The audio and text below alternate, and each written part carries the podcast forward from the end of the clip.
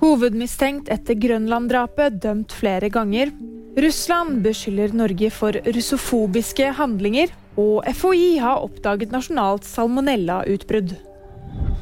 To personer er pågrepet og siktet for drap og medvirkning til drap etter at en person ble skutt og drept på Grønland i Oslo søndag morgen. Politiet sier at de jobber med å kartlegge om flere kan være involvert i saken. Det jobbes intenst med å gå gjennom dette videomaterialet, snakke med vitner og gjøre andre etterforskningsskritt som potensielt kan lede oss til andre mistenkte. Men per nå så er det eh, disse to. Det sa politiadvokat Terje Nedrebø Mikkelsen til reporter Silje Sveen.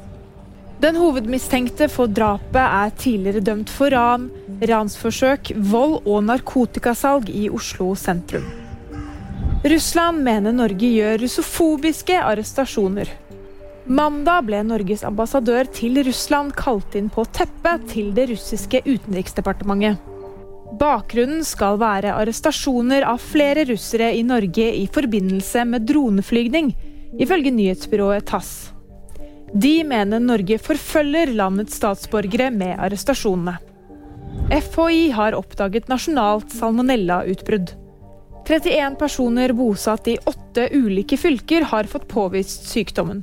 Smittekilden er foreløpig ukjent, men Folkehelseinstituttet jobber nå med å finne ut av det. Og VG-nyheter fikk du av meg, Fride Rivø Lie.